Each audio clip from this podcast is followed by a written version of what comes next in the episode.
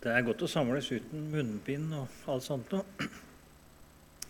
Jeg har gjort alt jeg kan for å bli sjuk, men eh, jeg lykkes ikke. Er, jeg skal ha om ugress i dag. Det heter at ukrutt forgår ikke så lett. så Det, det veit alle som har prøvd å få bort det. Ja, vi skal be sammen. Himmelske Far, vi takker deg at du vil at vi skal bli frelst. Og så har du gitt oss ditt ord. Du har åpenbart for oss din frelse, og du taler til oss ransakende, vekkende.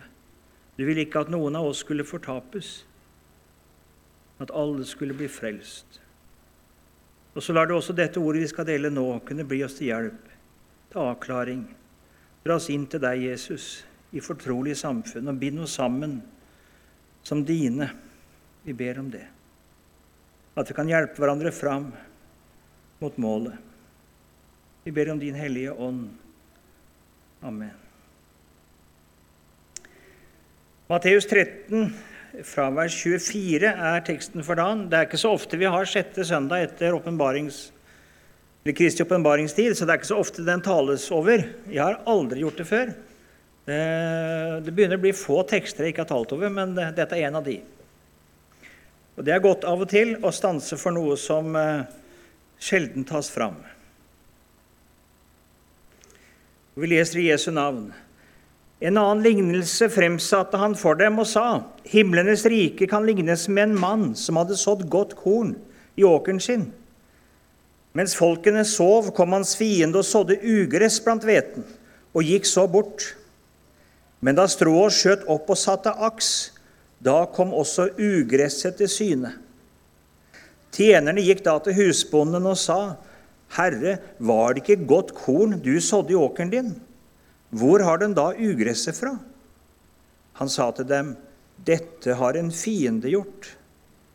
Da spurte tjenerne ham, Vil du at vi skal gå og sanke det sammen? Han sa, Nei, for da ville dere også komme til å rive opp hveten når dere sanker ugresset sammen. La dem begge vokse sammen til høsten. Når det så er tid for innhøstning, vil jeg si til høstfolkene:" Sank først ugresset sammen og bind det i bunter for å brenne det, men hveten skal dere samle i låven min. Litt om sammenhengen som dette står i. Dette er i Matteus 13, hvor Jesus eh, taler i lignelser, eller Matteus har samlet Jesu lignelsestaler. Og det er noe Jesus begynner med når virksomheten hans er på det høyeste. Når det er mange som kommer for å høre han. Vi skulle jo tenke da at Jesus var glad, begeistret over at det var så mange som var interessert, og så mange som kom for å høre. Men igjen og igjen møter vi i Det nye testamentet at når det samles mange omkring Jesus, da begynner Jesus å tale meget skarpt, vekkende, ransakende. Han retter ikke sin advarsel mot dem som ikke kommer, nei, men mot de som kommer. Mot de som hører og som samles. I kapittel 11 så møter vi hans ord om Kapernaum, Korasin og Betzaida. Jeg skal dit snart nå. Det er derfor jeg gjerne ville blitt sjuk, for da slipper jeg å altså plundre med den reisa. Da vet jeg da har gjennomgått det. Men men det var de byene. Det var Jesus bodde i Kapernaum. Det var der han gjorde sine fleste undergjerninger. Og der ville de gjerne høre han. Så mange kommer en gang at de må rive opp taket for hele tatt kunne komme ned med en, en som er lam. Det er ikke mulig å komme inn i huset. Det er folk overalt, inne og ute. Da taler Jesus veldig refsende ord i den sammenheng. Ikke akkurat da, men i forbindelse med det han har metta 5000 i ørkenen, og de kommer. Han ror i forveien, eller går på havet eller på vannet der, og kommer over til Kapernaum. Og de oppsøker han, leiter hele natta, så finner de han. Og så kommer det en veldig vekkende tale. Dere søker meg ikke fordi dere så tegn, men fordi dere spiste av brødene og ble mette. Og I løpet av den talen Jesus nå holder, så snur hele stemningen seg fra beundring og en voldsom ønske om å høre Jesus til forargelse og hat, slik at de til og med tar opp steiner for å steine Jesus. Jeg er sikker på det at hvis sånne moderne som skal lære oss hvordan vi skal tale, hadde lest og hørt Jesus, eller vi hadde talt sånn, de sagt at du må lære deg å kommunisere bedre. Du, du, vet ikke å på en måte benytte anledningen. Altså, du, du klarer på en måte ikke, du har ikke noe teft.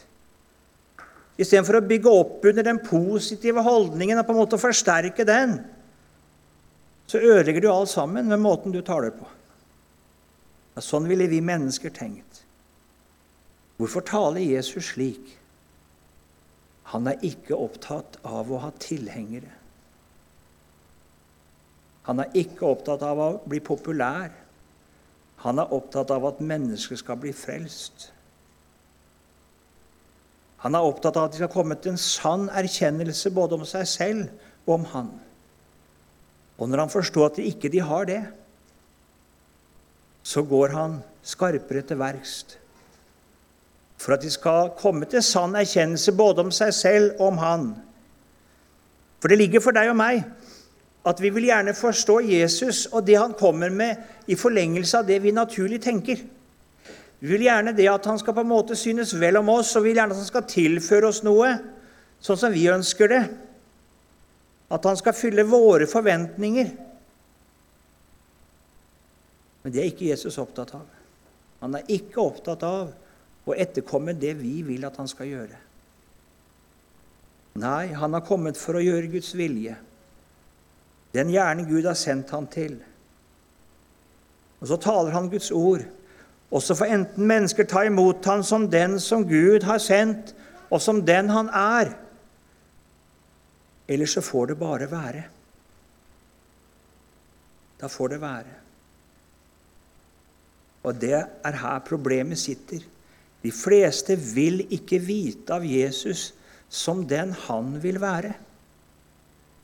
De vil at han skal være den som de synes han skal være. Jesus sier at det, han ligner slekta med noen som sitter på torvet og spiller fløyte, og så vil ikke de danse.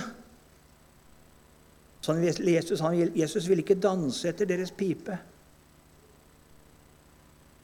Og da blir de forarget. Så lenge man kan forstå Jesus i pakt med sine egne tanker. Og det gjør du hvis du leser ganske overfladisk i Bibelen. Så får du Jesus til å passe. Han er snill, ikke sant? Han er ikke sånn disse strenge fariseerne. Nei, han er så mild, og han tar imot syndere. og Han aksepterer oss. Han solidariserer seg med oss. Dere har hørt sånne utsagn, ikke sant? Vi forstår Jesus innenfor rammen av vår egen, våre egne ønsker og våre egne drømmer.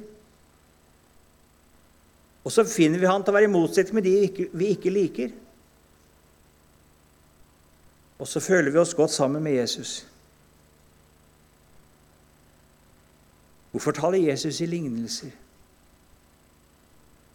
Jo, for det er mange som ikke vil høre hans ord. De vil ikke det. Jo mer de forstår Jesu ord, jo mer forarget blir de. Og så begynner han å tale i lignelser. Ikke for å kommunisere bedre, ikke for å ta eksempler fra hverdagslivet som skal være litt lettere å forstå, Ofte så sies det. Nei, han sier det. Han gjør det for å kline ører og øyne til, så de, skal, så de ikke skal omvende seg, sier han. Det stemmer ikke med vårt bilde av Jesus, gjør det det? Og Han sier det i slutten av Matteus 11, altså, hvor han taler om Kapern, om Korasin og Besaida, sier han det. Jeg takker deg, Gud, at du har skjult dette for de vise og forstandige men har åpenbart det for de umyndige. Du, sånn er alt Guds ord. Gud står den stolte imot. Den stolte, den som ikke vil bøye seg, den som ikke vil la seg tale til rette, den som ikke vil ydmykes. Han står Gud imot. Han får både lov til å forarge seg Ja, han får lov til å misforstå totalt og gå fortapt. Det nytter ikke å nå han hvis han ikke vil bøye seg. Men den ydmyke, den som lar seg tale til rette, den som ikke skal ha noe skal ha sagt overfor Guds ord, og som møter Jesus med en spørrende holdning, og som tar ordet til seg når det dømmer og anklager og sier 'ja, sånn er jeg', og det er så sant, den får se. Den får høre. Den får ordet bli til frelse for.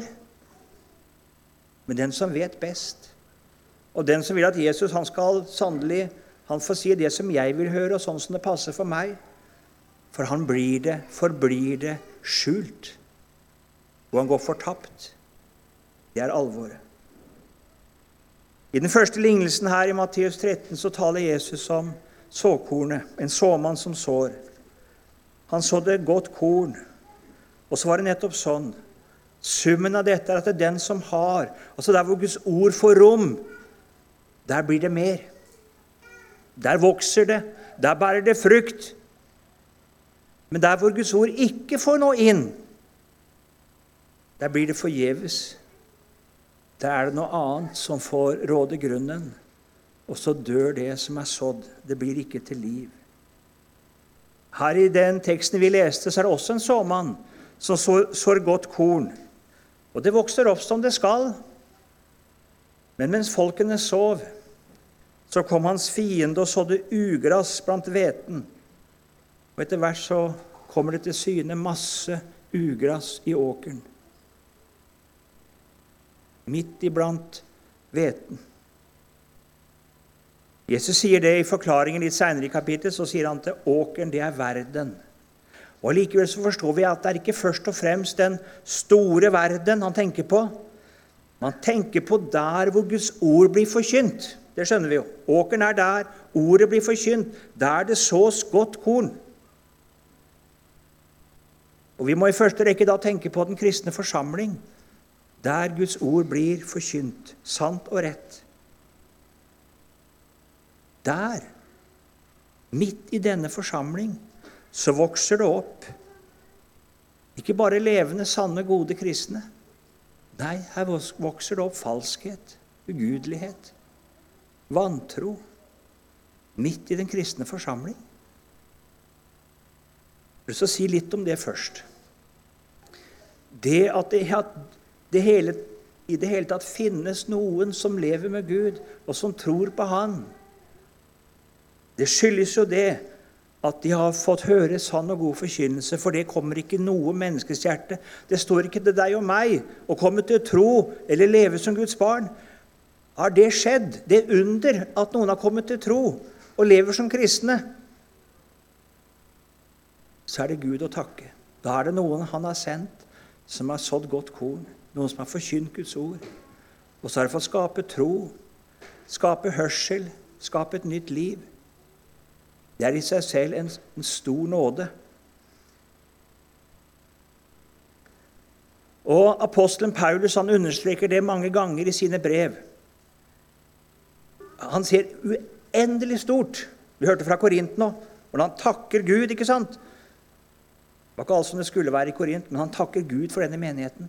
Vi skal lese fra Tessalonikerbrev, første der, så sier han i kapittel 2, og vers 19 og 20 Altså Han taler om det at de troende at det hele tatt er noen troende i Tessalonika, i Korint, i Efesus. Det er et vitnesbyrd om at den forkynnelsen som apostelen kom med, at den var sann. Det er et vitnesbyrd om at hans gjerning, den var ekte. Han fikk mange anklager for å være en falsk forkynner, apostelen Paulus. Ikke en skikkelig apostel. Men da er disse menighetene det er vitnesbyrd om at hans apostelembete og virksomhet den var sann. Det var hans heder, hans, hans ære, disse troende. For hvem er vel vårt håp, vår glede, vår hederskrans, om ikke nettopp dere, når vi står for vår Herre Jesus i Hans komme? Dere er jo vår ære og vår glede. At disse i Tessalonika de levde som kristne. Deres tro bar vitnesbyrd kan lese om det altså i Tessalonikerbrevet, og kan lese om det i, også i andre korinterbrev, hvor han forteller om dem, disse som bor i dette området i Filippi, området rundt der, hvordan de altså, evangeliet hadde sånn veldig inngang og omvendte dem fra avgudene til Gud. Det ble et helt nytt liv. Et vitnesbyrd om forkynnelsens kraft og sannhet. Den frukten bar hos dem. Sånn er det også for en god far og en god mor. Lydige barn, et godt hjem. Det vitner mye om foreldrene. Den vitner om hva dem har sådd. Det virker om hvilken frukt de har båret. Derfor er lydige barn foreldrene til ros, ære og glede. Ulydige barn, derimot, et hjem preget av uorden og vrangvilje. Det vitner om at det er noe grunnleggende galt i foreldrenes oppdragelse og i hjemmet. Derfor kreves det av en tilsynsmann i den kristne forsamling at han må styre sitt hus og ha lydige barn med all ærbarhet. For kan han ikke styre sitt hus, hvordan kan han da omsorg for Guds menighet? Men nå skal jeg inn på tekstens poeng. Hva når det er en blanding, da? Hva når det vokser opp noen i dette hjemmet og i denne forsamlingen som ikke er lydige, men som er ulydige, vrange og trassige? Når noen følger foreldrene i deres tro og ferd, i en lydighet og en tro, men andre gjør det ikke i det hele tatt? Og hva når en forsamling er slik at det her er noen som lever godt med Gud. Det er så åpenbart. Du ser det i deres vitnesbyrd, du ser det på deres ferd, at evangeliet har fått trenge inn og forandre dem. Mens andre der ser man at troen sitter bare i hodet. Og hele livet vitner om at de har sitt liv i denne verden og er i opposisjon til Guds ord. Det kan jo være sånn jeg skal ikke utelukke det at foreldre og forkynnere og forsamlingsledere ikke har maktet å ta seg like godt av alle. At forkynnelsen og oppdragelsen kunne vært mer hva kan kalle det bredspektret og kunne på en måte nådd alle. Men det er ikke det Jesus sier her. Det er ikke det. Nei, han taler om at det var godt, sådd godt korn. Men det er en fiende som har vært på ferde. Det er en fiende. Åpenbaringsboken har noen sendebrev. og Der ser vi det at eh, flere menigheter er gode og sunne som helhet. Jeg hadde om Teatira på fredag. En sunn og god menighet. Les starten der.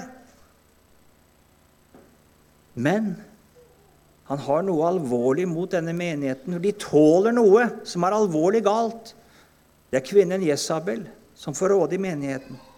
Og Det er til stor skade, og det fører til åndelig sykdom og død i denne forsamlingen.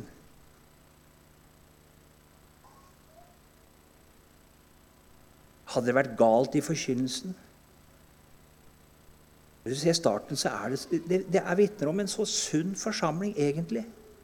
Men så er det kommet noe inn der. Og så hadde man ikke tatt rett oppgjør med det. Hadde ikke det. Og man får ord om at man skal gjøre det. Man skal ta et kraftigere oppgjør. Vi er lett for det når vi ser svikt i en forsamling, at de unge vokser opp. Og det er ikke alle som blir bevart i troen, men de glir bort. Ja, her må det, Eller som sliter med å komme til frigjørelse og til, fri, til personlig visshet det er det fort med anklagen. Det er noe galt med forkynnelsen. Hadde forkynnelsen vært fulltonen og, og, og, rett, så hadde alle blitt frelst i forsamlingen. Det er ikke sant. Det er ikke sånn. Se på sendebrevene. Se på Korint, hvor Paulus var den som grunnla menigheten og virket i lang tid, eller Efesus, hvor han først virket, og så Timotius, og så apostelen Johannes. Og så kan du lese sendebrevet i åpenbaringsboken og se hvordan det har gått. Forlatt den første kjærlighet. Var det mangel i Paulus sin forkynnelse? Timotius sin forkynnelse? Apostelen Johannes sin forkynnelse? Eller hva med Jesu tolv disipler? En av dem, sier Jesus, er en djevel. Hadde ikke Jesus helt øye for Judas? Hadde han ikke helt klart å ta seg av ham på den rette måten? Var det derfor han falt ifra? Og forrådte Jesus, var det det? Nei. Det er en fiende som har gjort det. Det skjer i de beste hjem. Det skjer i de beste forsamlinger. Til tross for at foreldrene har gjort alt det de kan, at forkynnere har gjort alt det de kan, og forsamlingsledere har virkelig hatt omsorg for alle og gjort sitt beste, så går det galt med noen. Så alvorlig galt med noen. Det var ikke husbondens skyld at det var ugras i åkeren. Det var en fiende som hadde gjort det. Det var en fiende som hadde gjort det. Til tross for evangeliet i forsamling forkynnes fulltonende og frigjørende. Og det tales til vekkelse med klar dom over alt menneskelig eget, eget verk og fortjeneste. Så vokser det fram i forsamlingen den groveste egenrettferdighet og hovmot og selvgodhet, ja, det skjer. Det har vi vært vitne til mange. Enda det har vært talt imot det så klart, så vokser det opp likevel. Det er i pakt med vår naturlige religiøsitet. Du må ikke lære loviskhet, for det er du. Og så puster den onde til, og så sår han sitt ugras. Det har han gjort fra syndefallets dag, og det er der. Du må ikke så ugras i åkeren. Det kommer av seg sjøl også, det. For det er der i vår natur. Den onde har sådd det fra begynnelsen av. Og så kommer det. Og så skjer det at i stedet for å ydmykes når den ransakende og vekkende forkynnelsen kommer, så forarges man på den som man forarges på Jesus. Vi er da ikke født i hor, vi er da ikke vi er Abrahams barn. Vi er da ikke noens treller. ikke sant? De blir, de blir forarget. Adresserer kanskje til andre, men ikke til meg. Å nei. Nei, jeg er ikke sånn. Det er rett med meg. Jeg har rett. Og så finner man feil hos de andre. Og så blir ikke forkynnelsen skaper ikke den ydmykhet og selverkjennelse og fattigdom i ånden som gjør at den har bruk for evangeliet. Og Når evangeliet da lyder, så kan man kanskje slutte seg til det rent teoretisk. Man har ikke bruk for det. For man er ikke en synder. Man er ikke syk. Man trenger ikke til lege, men man er frisk. Og det skjer midt i den sanne troende forsamling. Det har det alltid gjort. Og det skjer i det troende hjem. Med den samme oppdragelse. Det gjør det. Det er en fiende som har vært på ferde. Han har sådd og pustet til noe som ligger der i menneskenaturen. Venner, interesser for makt, som drar bort ifra Jesus. Som stenger for foreldrenes formaninger og gode ord. Og så vokser det opp noe i hjertet som stenger for barneforholdet, både til foreldre og til Gud. En hardner til i ulydighet i opposisjon. En vet bedre enn både foreldre og Guds ord. Og så pansret sinnet mot tilrettevisning og forsøk på å vekke til selverkjennelse. Og det skjer i så mange hjem, og det skjer i så mange forsamlinger. Noen kan bare si at ja, det er feil. Det har vært noe feil og manglende forståelse hos foreldrene i forsamlingen. Nei, det er en fiende som har vært på ferde. Han som er hovmodig, og som sår hovmot, og gjorde det hos de første mennesker, han har ikke forandret seg. Han er den samme. Hva skal vi gjøre med det? Her spør de husbonden skal vi gå ut og så skal vi ta oss og få rydda dette bort. Vi skjønner at slike barn og slike forsamlingsmedlemmer de har en ødeleggende innflytelse på de andre barna. De har det. Det er en ødeleggende innflytelse i forsamlingen. De har det. Tenk på den flokken som fulgte Israelsfolket ut av Egypt. Hvilken ødeleggende innflytelse det hadde. Her var det murring og knurring og klaging hele veien. Ingenting var som det skulle være. Det var ikke sånn de hadde sett det for seg. Og de fant så mye feil hos Moses og hos Gud. Og de klaget og de sytte. Og det preget snart hele folket. Forferdelig. Ja, får vi ikke rydde dem ut, ut av menigheten, ut av forsamlingen, så de kan få en ren og sunn og sann menighet? Nei, sier Jesus. Nei. Det er ikke veien. Og Likevel så har vi sett i historien gang på gang at man forsøker på det. Og de som gjør det, vil ofte det beste for Guds menighet. De tenker det, at dette er til gagn for Guds menighet. De vil holde den ren og stenge vrang lære og vrangt liv ute. Og så setter man opp krav og stengsler og gjerder. Erfaringen er det at det skillet går mellom den som er enig med dem, og de som ikke er enig med dem. Og Det er så veldig vanskelig at i det skillelinjet følger Guds ord. Og Da blir det så fort at man setter noen utenfor som lever med Gud og noen innenfor som ikke gjør det. For det er egentlig hva det blir i forhold til min vurdering. Og den vil ofte være så skeiv. Og så blir det snart mistenkelighet overfor alle som er kritiske til meg, og til det jeg står for, og det jeg gjør. Sånn ble Martin Luther bannlyst. Ikke sant? Hvorfor det? Var fordi han lærte vrangt og var en fare? Nei, han var ikke enig med paven. Det var problemet. Han var kritisk til paven. Ut med han. Og sånn har mange i praksis blitt bannlyst fra den kristne forsamling opp gjennom historien fordi de har stilt kritiske spørsmål.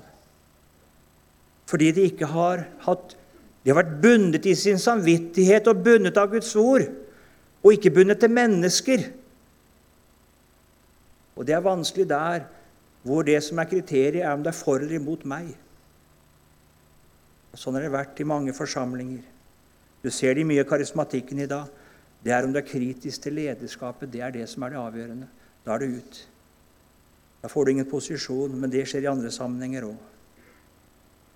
All erfaring viser at der hvor en søker å holde menigheten ren på denne måten, der ender det i partisinn i kjødelig strid. Og den sanne menighet og de sanne troende lider. Så skal vi ikke havne i motsatt ytterlighet, at ikke det skal øves tukt og ikke settes grenselinjer i den kristne forsamling. Det skal det. Det som er åpenbart syndig i liv og lære, det skal påtales og gjøres opp, med, opp, oppgjør med. Ingen som lever i åpenbar synd, og som stiller seg åpenbart i motsetning til Guds ord, skal ha tiltrede til nattverdbordet, f.eks. Skal ikke det. Skal tales til rette, formanes til å omvende seg.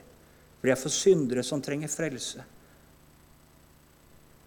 Men heller skal ingen som lever i synd eller er åpenbar vranglærer, innbys til å forkynne Guds ord. Og vi skal som kristne holde oss borte, sier Bibelen, fra de som lærer vrangt og i strid med Guds ord. Romerbrevet 16, 17 sier det sånn.: Jeg formaner dere, brødre, hold øye med dem som volder splittelse og anstøt imot den lære som dere har lært. Vend dere fra dem. Vi skal det. Men det å gå inn i forsamlingen og så begynne å prøve å skille ut, altså Det kan vi ikke gjøre. Forkynnelsen skal sette skille. Forkynnelsen. Ikke fysiske, organisatoriske forsøk på å sette grenser. Nei, det går ikke. Men forkynnelsen av Guds ord, det ordet som trenger igjennom og kløver sinn og sjel, altså ledemot og marg, det skal lyde så skarpt som det er. Og skal det dømme hjerters tanker og råd, slik at Gud får tale til den enkelte. Det betyr ikke det at det da Da omvender alle seg? Nei, de gjør ikke det. Men forkynnelsen skal holde denne skillelinjen mellom sant og falskt klar for forsamlingen til enhver tid. Det skal den. Vi kan ikke vite alltid når det ordet som blir forkynt, om det er aldri så sant og rett, om det tas imot i hjertet, om det bærer frukt, eller hvor det er ugraset som får råde. Han som gransker hjerter og nyrer, han ser og han vet. Det gjør han. Men vi gjør det ikke. Vi skal forkynne Guds ord slik det er gitt, så det får sette skille. Påtale det som er i strid med Guds ord, og forkynne Guds ord så klart og rett vi kan. Be om Guds hellige ånds lys over ordet og nåde til å bære det fram. Mer kan ikke vi gjøre, og mer skal vi ikke gjøre. En dag skal alt det som er skjult, bli åpenbart. En dag kommer høsten, og da er det høstens herre som skal sørge for å sette skille. Jeg siterte det for elevene her også en dag et par uker siden om Martin Luther som sier om dette her. Så sier han det at det er tre ting, sier han, han skal forundres over i himmelen. Det første er at en del av de han ser der, de hadde han ikke venta å få se. Og det andre er at en del han hadde venta å se, de finner han ikke der. Hvorfor det? Jo, for vi dømmer etter det ytre. Det var som om Samuel skulle finne en etterfølger for Saul, så Å, det må være han, tenkte han. Nei, sier Gud. Mennesket ser til det ytre, men jeg ser til hjertet. Det var den lille David. Det var han Gud hadde utsett. Og Sånn er det også når det gjelder frelsen. Gud ser til hjertet. Vi kan ha et ytre fasade som ser så fin Vi kan ha det i munnen. Vi kan ha det i vaner og i en ferd. Men Gud ser til hjertet. Her går disse to sammen. Og vi gjør det. Går sammen. Her møter vi noen som har åndelige sykdommer og sår. Og så kan vi lett tenke det òg. jeg ser så lett de skavankene. Jeg ser så lett de sykdommene. Jeg ser så lett alle de såra. Det jeg ikke ser, det er det hjertet som lider under dette og tar sin tilflukt til sjelelegen og lever i syndenes forlatelse. Men det ser han. Men så ser jeg også dem som aldri har noe å bekjenne, som aldri har en synd å si. Men de ser også så fine og pyntelige ut. De har liksom alt på stell og alt i orden, og har det både i munnen Det jeg ikke ser, det er det hovmodige hjertet som aldri har bruk for Guds nåde som aldri tigger ved Jesu føtter. Som ser alle feil hos de andre, men som ikke ser sin egen brist. Og som ikke er en fattig synder. Det er det ikke. Nei. Den er fremmed for dette forholdet til Jesus. Det ser ikke jeg. For de har det i munnen. De har lært dette og kan snakke evangelisk. Men det er ikke hjertets sak. Men Gud ser det. Han kjenner de som tar sin tilflukt til ham. De kjenner han. Og her ser han det, at her er det bare et menneskegud man har lært hele kristendommen. Han ser det. Det skal åpenbares en dag. Så skal disse to flokkene gå sammen. Så sang vi denne flotte sangen. Jeg er så glad i den, på 565. Og vi må hjelpe hverandre. Jesus han elsket Judas. Han gjorde det. Like til det siste, står det. Slik han hadde elsket i verden, så elsket han dem like til det siste. Han ville at Judas skulle bli frelst. Sånn er det med en far og en mor, og de vil at alle barna deres skal til himmelen. De vil det. Elsker dem. Og sånn er det med en sann kristen. Han vil at de han går sammen med, at de skal bli frelst, at ingen skal bli tilbake. Da må vi lære av Jesus. Ikke å søke å bli populær, ikke å søke å bli godt likt, men søke å si det som gjør at mennesker kan bli frelst. Det var det ene nødvendige for Jesus. Selv om noen forarges over det. Men de som lærte han å kjenne, de så at han var virkelig den som elsket. Og Sånn er en god mor og en far. De er ikke opptatt av å bli godt likt, men de er opptatt av at barna skal bli frelst. Det er det som ligger dem på hjertet. Ja, himmelske Far, takk at du er slik. Du vil at vi skal bli frelst. Og så taler du tukt og trøst, som du ser vi trenger det.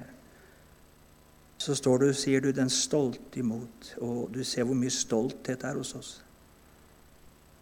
Og bøy du oss, så vi blir fattige syndere.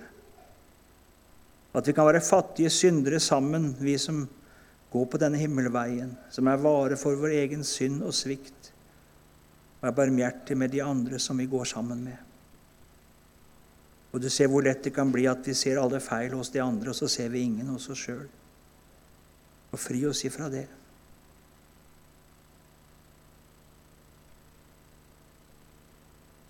La oss bli en av denne syndere skare som kun vet å takke og love deg. Amen.